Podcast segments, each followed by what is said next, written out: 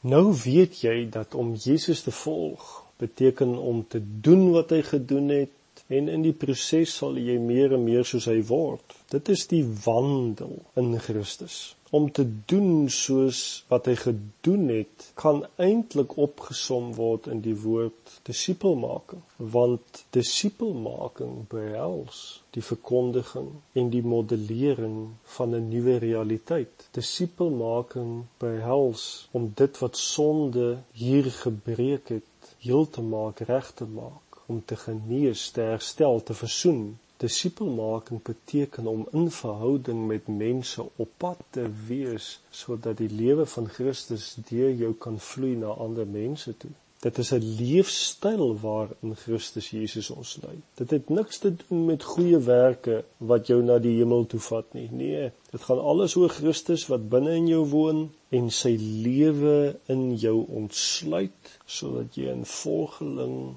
van Jesus Christus kan wees met jou wil, jou emosies, jou verstand, met jou dade, ja, jou lewenswyse.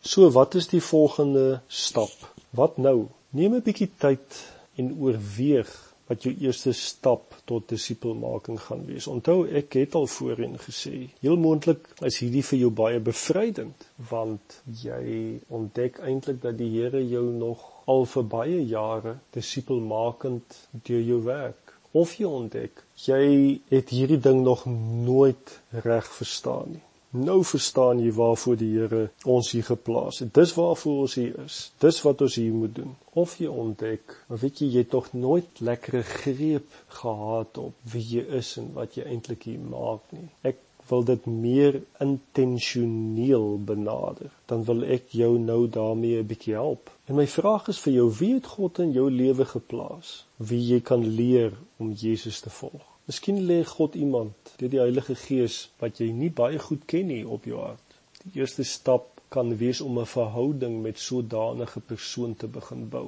Miskien is dit iemand wat jy reeds vir jare ken en God roep jou om hierdie verhouding na 'n volgende vlak te neem. Onthou God het jou geplaas presies waar jy moet wees en die mense rondom jou is nie per ongeluk daar nie. Jy's nie verniet in verhouding met sekere mense nie. Mense is soekend, smagtend na die Here en hulle gaan die Here net beter leer ken deur jou heen, deurdat daardie persoon in verhouding met jou is. En onthou, die groot opdrag roep ons op tot verhouding met enige tipe persoon, as ek dit so kan stel. Godsdienstige mense in kerke sowel as mense wat nog nooit in kerke was nie of van ander gelowe is, maak nie saak nie. Ja, roep ons op tot verhouding met diegene wat soos ons is en diegene wat baie van ons verskil. Want almal, elkeen moet verstaan wie Jesus is en wat dit beteken om hom te volg. So leef van vandag af bewustelik met die identiteit as 'n disipelmaker. Oral waar jy gaan, moet jy doelbewus vir mense bid en plekke seën.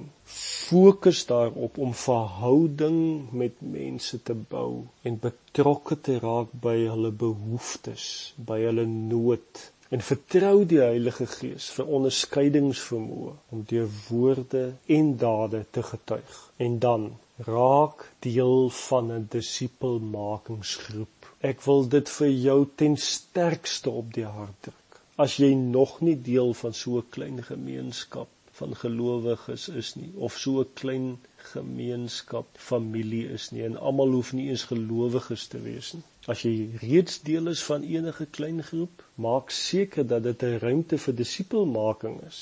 Dat dit nie maar net 'n klein erediens is en daar is weer tweede, derde handse openbaring wat een leier met die ander deel nie. Nee, 'n ruimte vir disipelmaking beteken 'n ruimte waar mense ware gemeenskap het met mekaar. Waar Christus deur die Heilige Gees die leermeester is. Ek moet dit weer sê. Waar Christus deur die Heilige Gees die leermeester is. Waar mense Vader se hart deur die lees en bestudering van die woord ontdek. Waar mense mekaar help en aanmoedig om Jesus te gehoorsaam en so verander te word na die beeld van Christus Jesus.